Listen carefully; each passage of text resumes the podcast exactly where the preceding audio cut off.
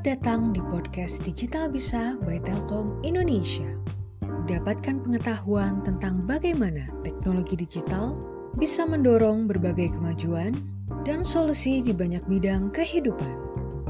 Kunjungi digitalbisa.id untuk mendapatkan artikel, video, serta event menarik tentang dunia digital. Pada episode podcast kali ini, kita akan membahas mengenai Introduce to UI UX. Selamat mendengarkan. Assalamualaikum warahmatullahi wabarakatuh. Nama saya Bella Dujanti.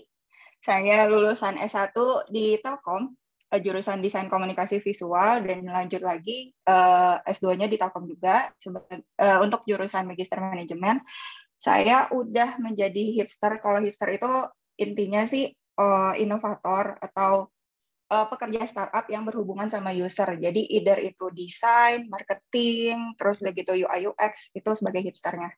Jadi dari tahun 2017 saya sebagai Chief Designer Officer di startup Kiwari Telkom. Lalu setelah itu 2018 saya sebagai Chief Marketing Officer dan Chief Designer Officer di Amuba Bosku. Lalu setelah itu saya pindah diperbantukan ke anak perusahaan Telkom yaitu PT Melon Indonesia sebagai Digital Marketing Manager Tribe Games Telkom Group.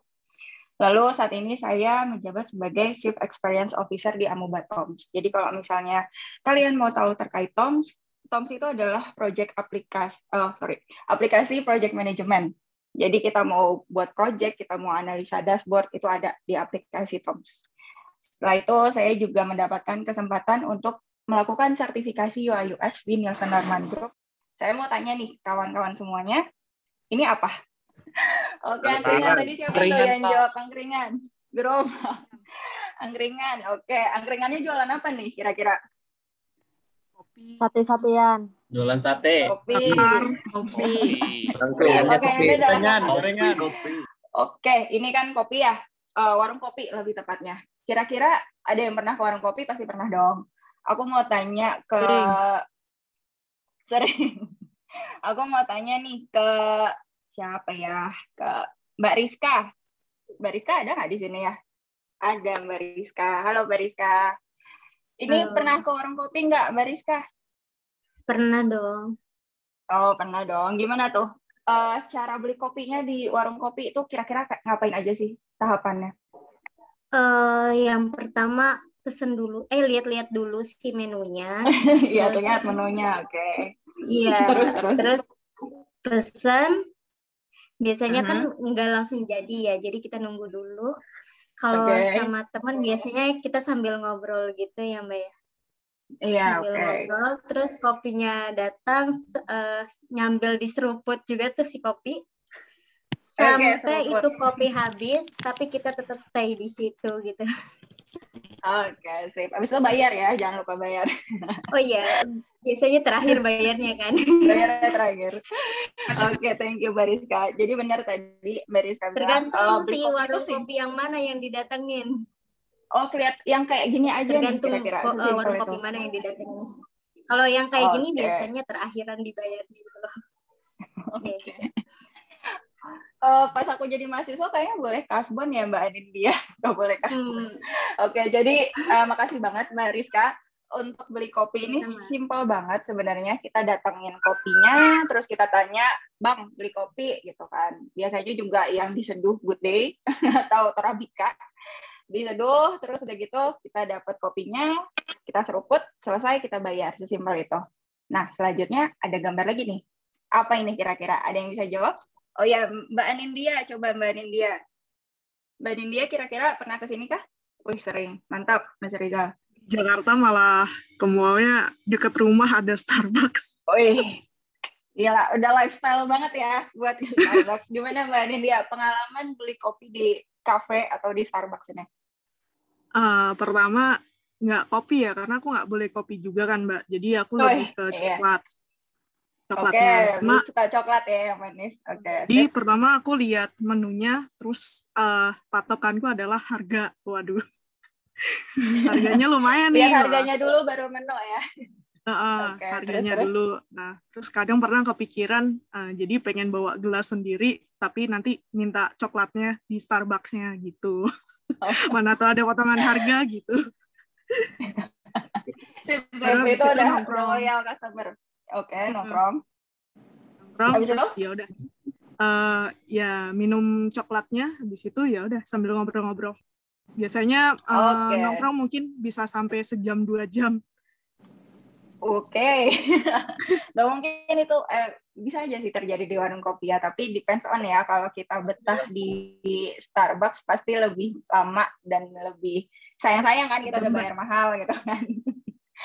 Oke, okay, thank you Mbak Nindya. Nah, Mbak Nindya, aku mau nanya lagi nih satu lagi. Kira-kira apa sih yang ngebedain antara warung kopi, kita beli kopi di warung kopi sama di Starbucks ini? Apanya tuh yang ngebedain? Um, mungkin dari sisi harga, terus juga produknya yang dijual. Biasanya kalau untuk produk yang dijual kan dia bermerek ya, bermerek. Terus setelah itu juga banyak uh, istilahnya gambar-gambar unik lah di produk itu yang bisa menarik pelanggan gitu. Oke, okay, sip. Thank you. Ada lagi? Paling paling uh, sama suasananya ya. Biasanya kalau orang-orang yang suka nge-mall itu kan lebih nyari ngadem di AC-nya. Oke, okay, setuju banget. Thank you Mbak Nindya. Jadi benar banget. Uh, kira-kira kalian uh, pernah mikir nggak sih kenapa Starbucks Coffee itu lebih mahal dibandingkan kopi di warkop? Karena benar tadi kata Mbak Nindya, Starbucks itu menjual lebih banyak pengalamannya, experience dibandingkan di warkop. Jadi di Starbucks itu kita ditawarin wifi, udah gitu yang jual tentu saja cantik dan tampan terus wangi, Terus udah gitu disediakan sofa yang nyaman, kita boleh berjam-jam ngobrol di sana. Pilihan kopinya juga banyak banget. Terus udah gitu uh, kita bisa ngebelinya metode pembayarannya banyak banget jenisnya dan itu Starbucks menjual lebih banyak pengalaman atau experience dibandingkan warkop. Maka dari itu kopinya itu lebih mahal dibandingkan di warkop. Oke, jadi kebayang ya, pengalaman itu sebenarnya penting banget kalau kita mau ngejual produk kita. Nah, ada lagi nih, ini biasanya favorit perempuan. Apalagi kalau lagi masa pandemi gini, biasanya kita naik berat badan ya, karena nggak ada kerjaan ya kan, makan terus.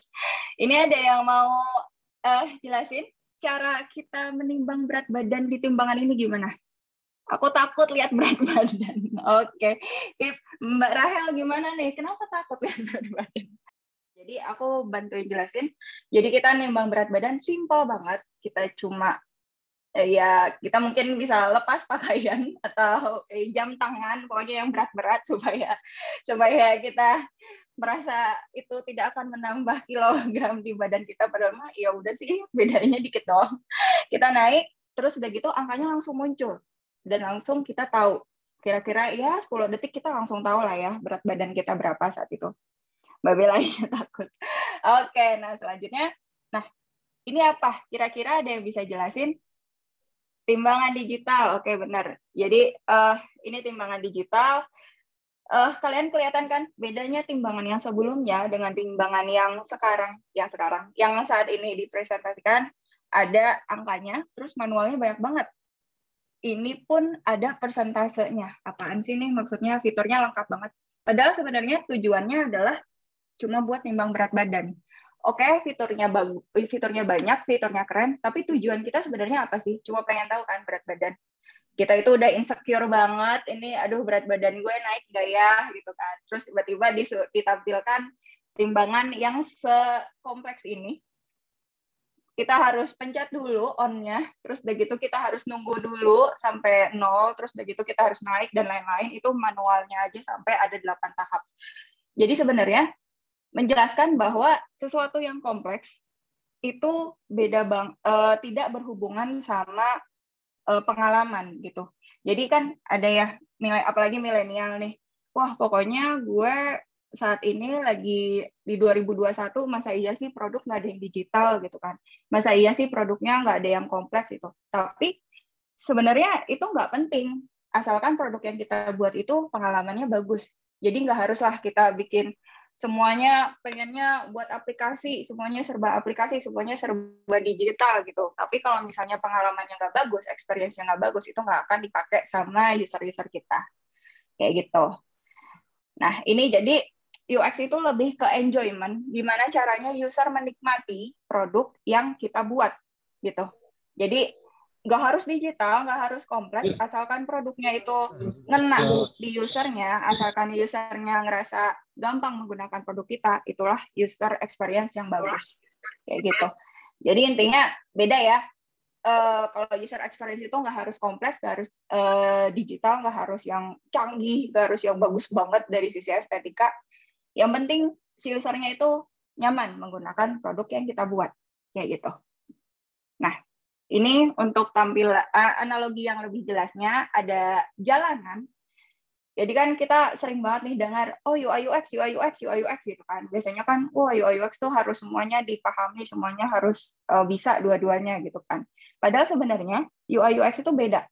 Ada user experience dan user interface. Kalau user interface-nya adalah tampilan, jadi kita nih sebagai desainer misalnya kita bikin jalanan udah rapi banget, terus batanya rapi, mahal, terus penggunaannya, terus udah gitu dari segi estetika, wah ini keren banget nih, pokoknya jalanan ini bakalan dipakai sama user soalnya keren banget gitu. Masterpiece gue ya kayak gitu. Tapi ternyata usernya malah memilih jalan pintas, jalan ke kiri yang masih tanah yang belum dibuatin apa-apa. Kenapa? Karena usernya itu ngerasa itu lebih cepat dan lebih enjoy si usernya nikmatin uh, perjalanan mereka menggunakan jalan itu dan lebih rindang. Padahal sebenarnya kita udah ngedesain nih capek-capek di user interface-nya udah bagus, tapi percuma kalau usernya itu nggak mau pakai gitu ya. Jadi kebayang ya perbedaannya antara user interface dan juga user experience. Oke, jadi user interface itu lebih ke looks-nya, tampilan visualnya suatu produk fokusnya pada bentuk, style, tulisan, warna, dan lain-lain. Jadi bedain ya antara user interface dan user experience. Seperti itu. Oke, lanjut. Nah, ini jadi uh, eh, UI UX itu lebih ke iceberg. Tadi aku sempat baca chat, ada yang nanya lebih penting mana UI atau UX. Dua-duanya penting, tapi kalau misalnya UI-nya bagus, cuma UX-nya nggak bagus, orang nggak mau pakai, itu bakalan gagal UI-nya atau desain yang udah kita buat. Jadi aku sih lebih prefer kita harus fokus ke UX dulu, baru habis itu setelah udah oke okay UX-nya, baru kita bikin tampilannya. Kayak gitu. Jadi kayak Gojek nih. Semuanya pasti pernah dong pakai Gojek, atau ada yang belum pernah, atau ada yang belum ada Gojek di daerahnya. Nggak mungkin ya. nah itu Gojek itu uh, kalau misalnya mau dipecah, UI-nya itu adalah warna hijaunya. Looks and style-nya warna hijau, terus button-nya ada uh, warnanya warna hijau, fleksibel, bentuknya rounded, terus udah gitu ada ilustrasinya yang ada si komo lewat lah, kita lagi majak tiang listrik kalau lagi error. Nah itu UI-nya. Kalau UX-nya, gimana caranya kita order ojek di situ. Yang pertama adalah kita uh, tentuin alamatnya, habis itu kita uh, mulai bayar, habis itu baru Gojeknya datang. Nah, itu pengalamannya itu adalah UX-nya. Sementara tampilannya itu adalah UI-nya. Jadi kebayang ya, bedanya UI dan UX itu apa. Oke, next. Nah, ini kenapa UI UX itu penting? Uh, karena UI UX itu menghubungkan antara kebutuhan bisnis di perusahaan sama yang customer mau. Jadi gini, di perusahaan itu kan biasanya gue mau buat produk timbangan terus bayarnya lewat link aja. Lebay banget ya. Pokoknya gimana caranya si uh, orang-orang mau pakai timbangan gue gitu kan. Nah tapi kan mereka nggak tahu cara jualnya gimana. Terus uh, channelnya kayak gimana tampilannya kayak gimana dan lain-lain. Nah sementara itu si customer itu butuh gue butuh timbangan yang simple. Yang bisa tahu uh, simple tapi gue bisa tahu segala hal gitu kan. Dari lemak uh, berat badan golongan darah lebay ya dan lain-lain. Nah itu cuma uh, kita ngambil kata kuncinya. Intinya si perusahaan itu butuh keuntungan dan customer itu butuh memenuhi kebutuhannya kita sambung lewat UI UX jadi itu menguntungkan ke kedua belah pihak ya. Jadi di perusahaan dia untung customer juga memenuhi kebutuhannya. Kayak gitu. Lanjut. Jadi uh, aku mau tanya lagi Kira-kira uh, tampilan yang sebelah kiri sama yang tampilan yang sebelah kanan lebih suka yang mana? Mungkin ada yang mau jawab? Kira-kira siapa? Sebelah kanan. Sebelah kanan, kanan. Sebelah kanan. Kanan. Rebutan lagi. Kanan. Yang kanan, kanan. kanan. Yang kiri, yang kiri. Yang Kanan, kiri kanan, ada yang kiri. jawab. Kanan. Oke, oke. Kanan. Jangan berantem, Kiri, jangan kiri. berantem. Kayak tukang parkir ya. Nah, jadi ternyata orang-orang lebih suka tampilan yang sebelah kanan. Kenapa? Karena eh yang kanan itu lebih rapih. Terus udah gitu tasnya dibuatnya eh, looks-nya itu lebih besar. Jadi kita bisa ngeliat nih, oh pokoknya gue mau tas tasnya tuh yang warna biru gitu kan. Terus udah gitu kita bisa tahu nih buttonnya buy now. Udah tinggal klik aja di kotak itu langsung kebeli. Kalau ini kan kayak tulis buy now, aduh nih yang mana ya kiri kanan atas bawah, aduh nggak rapih banget sih, takutnya salah pencet. Jadi 88% online customer itu dia nggak akan mau balik lagi kalau misalnya dia mendapatkan bad experience. Jadi misalnya yang pertama nih, kita kasih tampilan ini, si user kan bingung, aduh males ah gue beli lagi, akhirnya dia nggak akan mau daftar lagi. Jadi dia nggak akan mau lagi datang kedua, ketiga kalinya. Kayak gitu. Maka dari itu, lebih baik kita menampilkan user experience dan user interface yang udah bagus di awal, karena itu ngaruh banget untuk pembelian kedua dan ketiganya. Kayak gitu. Eh. Oke, nah ini proses desain user experience itu nggak segampang itu kawan-kawan. Jadi ada banyak banget tahapnya, lumayan. Yang pertama itu adalah kita riset dulu. Kita riset nih, oh user maunya apaan sih? Kita tanyain ke user, eh lo maunya apa? Mau bikinnya kayak gimana?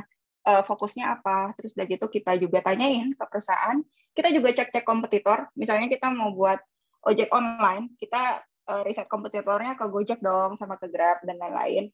Terus udah gitu kita bikin desainnya ada beberapa perusahaan yang buat desain itu dia langsung uh, ngedevelop. Padahal sebenarnya harusnya kita tes dulu. Uh, jadi kayak, eh ini gue udah buat desainnya nih, bagus nih, uh, keren banget. Oh gitu, ya udah nih uh, aku codingin ya, gitu kan. Padahal sebenarnya kita harus ngetes dulu ke user. Kita tes desainnya itu mungkin uh, sketsa kasar aja atau mock-up-nya.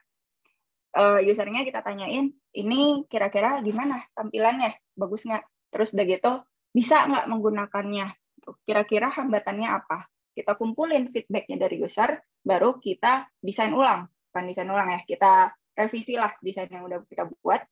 Lalu baru kita mulai modding. Nah, ini terus-menerus ya. Jadi tuh ada panah ini, ini iteratif.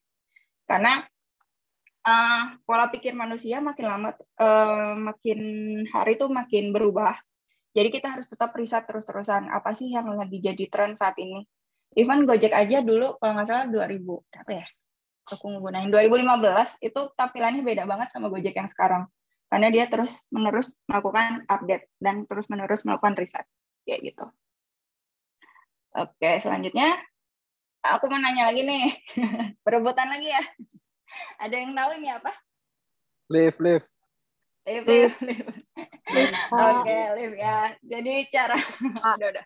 Cara menggunakan live ini adalah live. gampang banget. Iya. Iya, iya, iya. Cara menggunakan live ini adalah kita masuk, terus udah gitu kita cari tahu nomornya. Udah gitu baru kita klik tutup. Nah, itu eh gampang banget sebenarnya. Nah, cuma kalau kita ditampilkan tampilan seperti ini, ada yang sebelah kiri, ada yang sebelah kanan, pasti ada bedanya dong. Yang sebelah kiri lebih simpel. Yang sebelah kanan itu rumit ya, ada minusnya. Ini ngapain nih? Ada minus-minus terus satu minus du minus dua dua. Ini tuh kan kurang jelas ya. Orang user akan kebingungan. Nah, beda sama yang di sebelah kiri.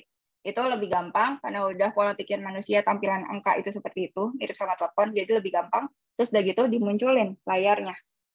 Ini kita mau turun atau naik dan sekarang udah di lantai berapa. Jadi jangan sampai kita membuat user untuk berpikir. Don't make me think. Nah, jadi waktu itu dosen aku sering banget bilang kiss, kiss, kiss, kiss. Apaan sih kiss, kiss? Nah, itu artinya adalah keep it simple, stupid.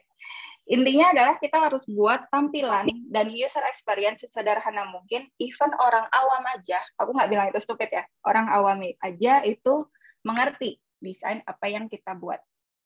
Gitu. Jadi kalau misalnya kalian mau bingung nanya, uh, buat desainnya ini udah sesimpel mungkin ya tanyain aja random ke orang yang nggak tahu apa-apa misalnya ke ibu kalian ke nenek kalian atau ke keponakan kalian, tanyain aja, ini gimana menurut kalian? Gitu. Kalau mereka ngerti, berarti insya Allah desainnya berhasil. Gitu. Ingat ya, kita itu bukan user. Jadi jangan harap kita itu uh, representasi dari user kita. Misalnya kita mau buat uh, aplikasi buat Pak Satpam, kita kayak ah ini mau pas satpam pasti pintar lah pasti eh, pasti pintar ya uh, pasti ngerti lah pasti melek banget sama digital lah. Padahal kan belum tentu ya ada beberapa behavior satpam yang berbeda-beda antara area satu dengan yang lain. Intinya jangan buat aplikasi yang sesuai kita harus buat aplikasi yang sesuai sama user kita. Gitu. Nah ini kita buat persona kita buat virtual usernya aja jadi kita uh, mungkin kita bikin uh, pasat pembayangan, kita kasih namanya, kita kasih tahu umurnya, kira-kira mereka butuh apa dan lain-lain. Nah, habis itu kalau kita bingung mau desain apa, ya kita penuhin aja uh, yang kita desain itu untuk memenuhi kebutuhan si personanya itu. Karena kan bingung ya kalau misalkan kita menuhin keinginan satpam A, satpam B, satpam C dan lain-lain, itu pasti kita bakal overwhelm, kita bakalan wah nih Mm, makin, makin bingung. Jadi mendingan kita buat persona aja kayak gitu. Nah ini ada kita uh, contoh kebingungan kita, kita buat desain A sama B, padahal bayinya cuma beda beda arah doang, ada yang ke kanan, ada yang madep depan. Kalau kita bingung, kita melakukan A/B testing. A/B testing itu adalah ya kita ngetes uh, kira-kira desain mana yang kita butuhkan. Ya, setelah itu kita tes ke user, ternyata uh, desain yang paling disukai adalah desain A karena warna merahnya itu lebih banyak, titik fokusnya lebih banyak. Itu adalah metode heat map di kita UI UX. Jadi makin lama lihat itu tampilannya bakalan makin merah gitu. Jadi berarti desain yang lebih baik adalah desain A. Jadi kita nggak usah berantem ya antara sesama desainer gitu. Gue gue maunya yang A, gue mau yang B. Kita tes aja langsung ke customer lalu ketahuan yang mana yang lebih efektif. Ini adalah F pattern, jadi kalau misalnya rumusnya itu untuk UX, biasanya user itu ngebacanya bentuknya F. Jadi dari ke kanan, lalu ke bawah, pokoknya bentuknya F gitu. Jadi yang pertama itu kita harus munculin unique value dari produk kita apa, makin ke bawah makin uh, tidak terlalu prioritas. Nah ini ada rumusnya biasanya 80% orang itu ngelihat page pertama, lalu 20 persennya sisa ngelihat page kedua, terus biasanya orang cuma scrollnya sedikit doang. Gitu. Nah, ini ada bedanya juga cognitive bias, jadi buatlah user untuk ngerasa tertarik menggunakan produk kita. Yang pertama ada 90% fat free sama daging yang 10% fat. Otomatis orang-orang kan lebih prefer uh, membeli produk yang 90% fat free. Jadi bias padahal isinya sebenarnya sama kan, lemaknya eh, sama-sama uh, 10%, tapi ini dibuat lebih menarik lagi gitu. Nah, ini contohnya ada persuasif desain juga, kita harus buat desain yang fokus mempengaruhi perilaku manusia pada produk. Jadi di sebelah sini banyak banget kan ya tampilan-tampilan yang bikin kita tertarik buat beli produk kita buru-buru nih. Wah, ini pokoknya gue harus beli saat ini juga. Contohnya, kita bisa kasih diskon last minute, atau kita bisa kasih rating, atau ada ulasannya. Jadi orang tertarik buru-buru mau beli. Kita juga uh, tertarik sama lihat diskonnya ya, otomatis ya, kayak gitu. Jadi uh, buatlah desain kita semenarik mungkin agar orang terburu-buru untuk membeli produk kita. Itu namanya persuasive design.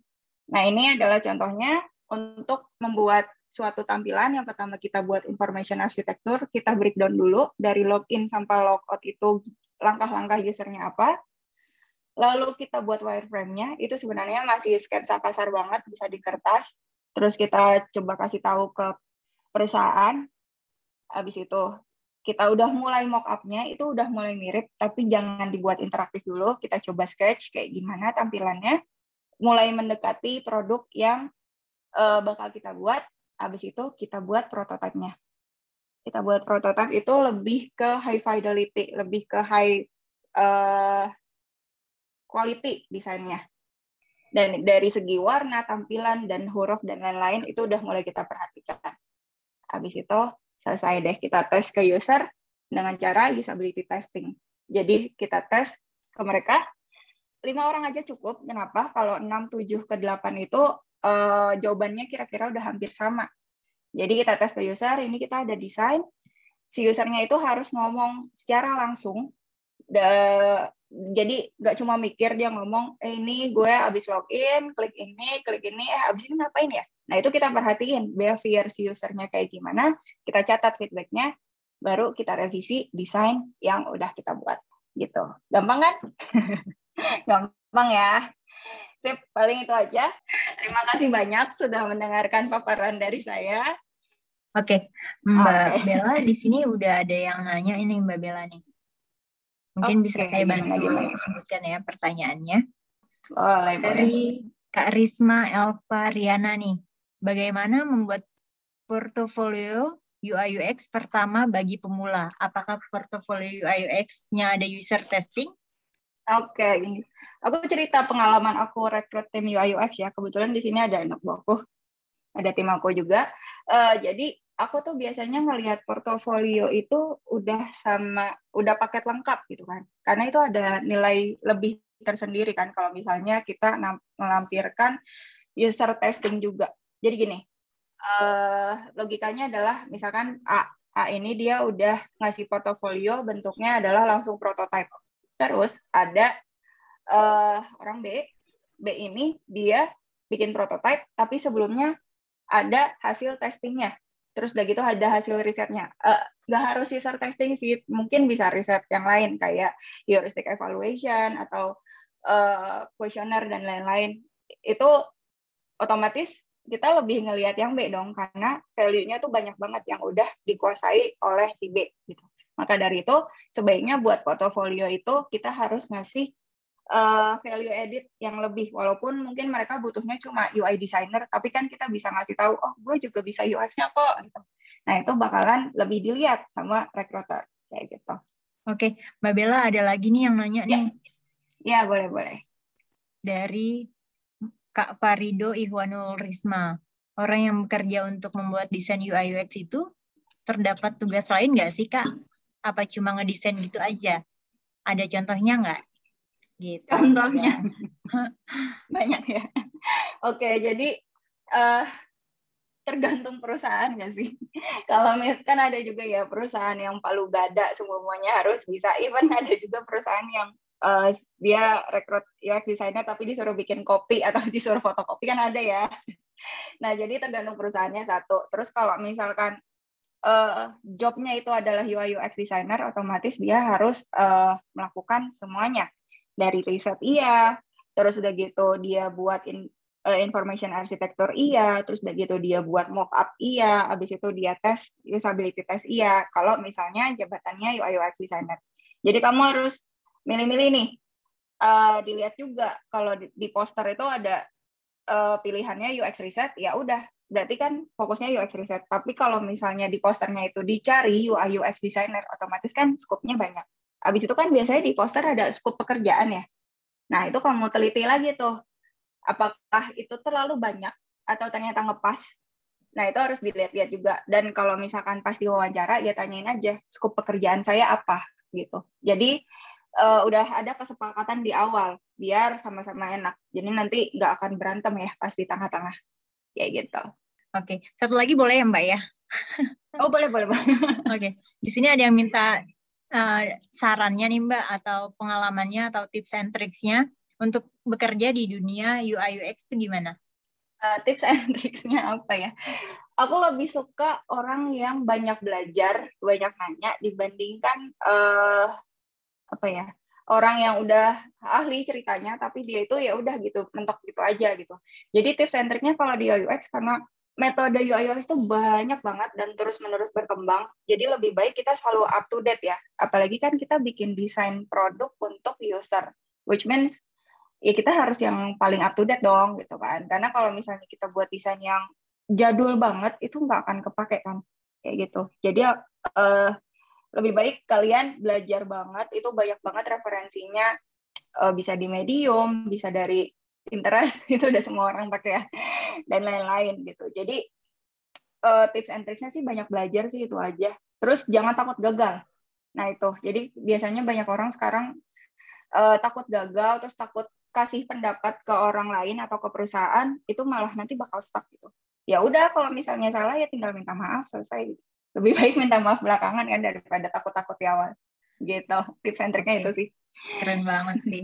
Oke, okay, uh, rekan-rekan okay. atau ada yang mau bertanya lagi? Oke. Okay. Mbak Nindya, yuk. Jadi gini Mbak, mungkin aku sharing sedikit ya. Jadi di kantorku sebelumnya itu uh, ada temanku itu dia uh, apa lebih senang di divisi UI UX dan ketika dia disuruh bikin uh, apa suatu prototype mungkin ya pakai mock up design. Nah, dia juga harus mendevelop uh, jadi gimana caranya biar dia biar bisa langsung ke publish di websitenya itu apakah pekerjaan UI UX-nya juga seperti itu kah atau gimana? Okay. Karena katanya juga disuruh coding. Oke, okay, teman kamu gajinya berapa? 100 juta. bisa riset dan lain-lain. Kalau misalnya gajinya nggak worth it, jangan dilakuin. Jadi gini, sebenarnya ada bagian bagian-bagiannya ya. Even UI UX saja dibagi-bagi gitu. Ada yang sebagai UI designer, ada yang sebagai UX researcher. Itu kan beda-beda ya pekerjaannya. Apalagi waktu itu kan cuma 24 per 7 ya. Kita disuruh menguasai semua hal Oh, startup baru. Iya ya, kalau startup biasanya uh, kekurangan resources jadinya ya itu uh, terserah depends on teman kamu gitu. Kalau misalkan uh, dia bersedia that's okay gitu. Karena ya itu balik lagi belajar yang banyak.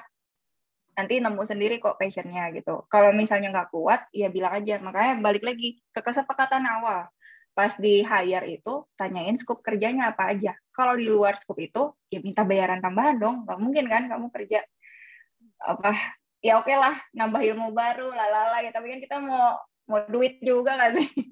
Terus kalau misalkan skup kerjaan, kalau misalkan skup kerjaannya lebih banyak dibandingkan yang seharusnya, ya harusnya speed up gitu. Tapi kalau misalnya keinginannya buat belajar, ya udah.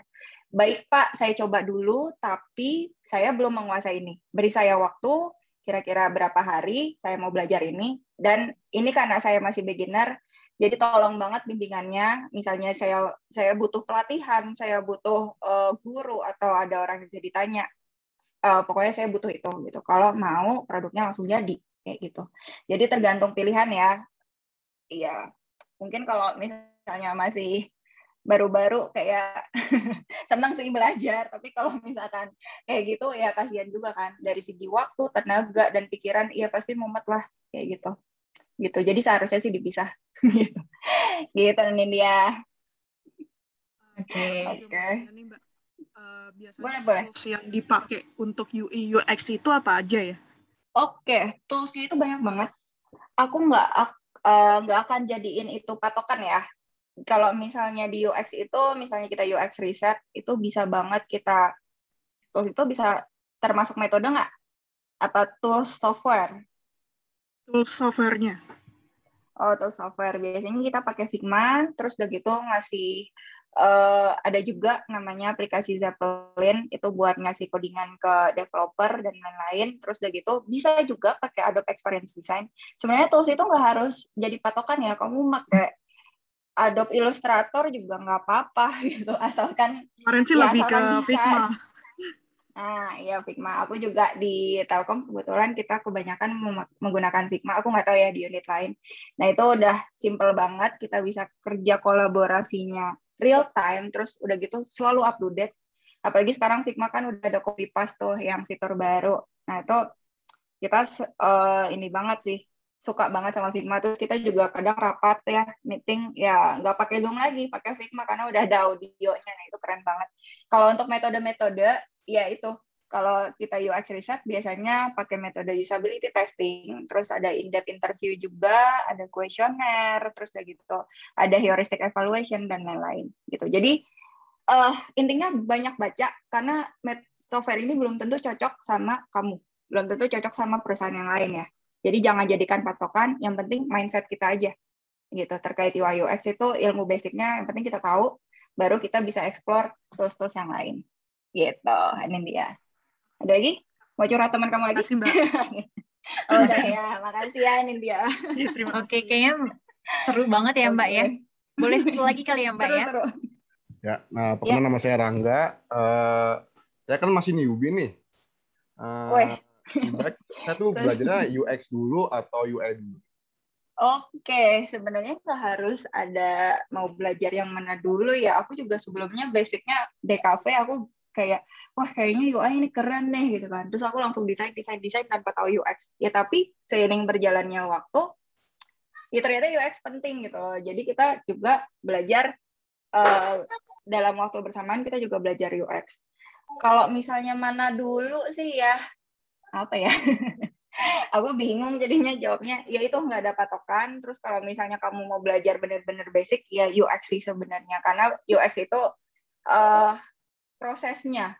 Gimana cara pengalamannya? Percuma kalau misalnya desain kamu masterpiece tapi UX-nya nggak nggak apa ya nggak bagus itu nggak akan kepake. Tapi that's okay kalau kamu sudah mendalami UI karena Hmm. itu bakalan keasah sendiri kok. Ini kayaknya tampilannya nggak oke deh kalau di sebelah kanan karena jempolnya ternyata lebih banyak orang pakai jempol kiri kidal dan lain-lain. Itu pasti langsung kebentuk sendiri mindsetnya cuma kalau misalnya mau memperdalam lagi ya lebih baik belajar dua-duanya itu dua-duanya ada ilmunya gitu Soalnya gitu. main, jadi main, nggak jangan main psikologi juga Apa, kan ibaratnya dari ke Yes. kebiasaan.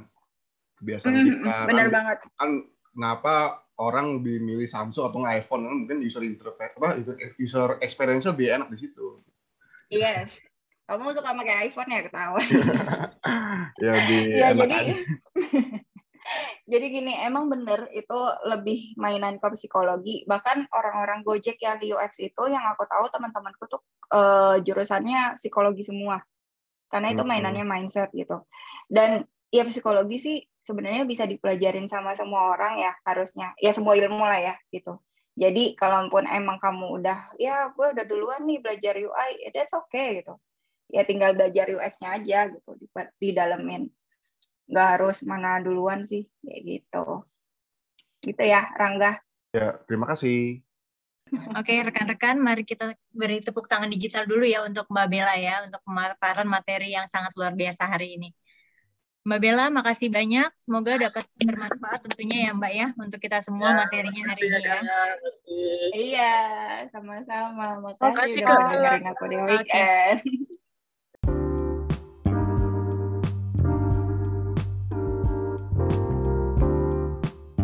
Terima kasih telah mendengarkan podcast Digital Bisa by Telkom Indonesia. Kunjungi digitalbisa.id untuk mendapatkan artikel, video, serta event menarik tentang dunia digital. Digital Bisa untuk Indonesia lebih baik.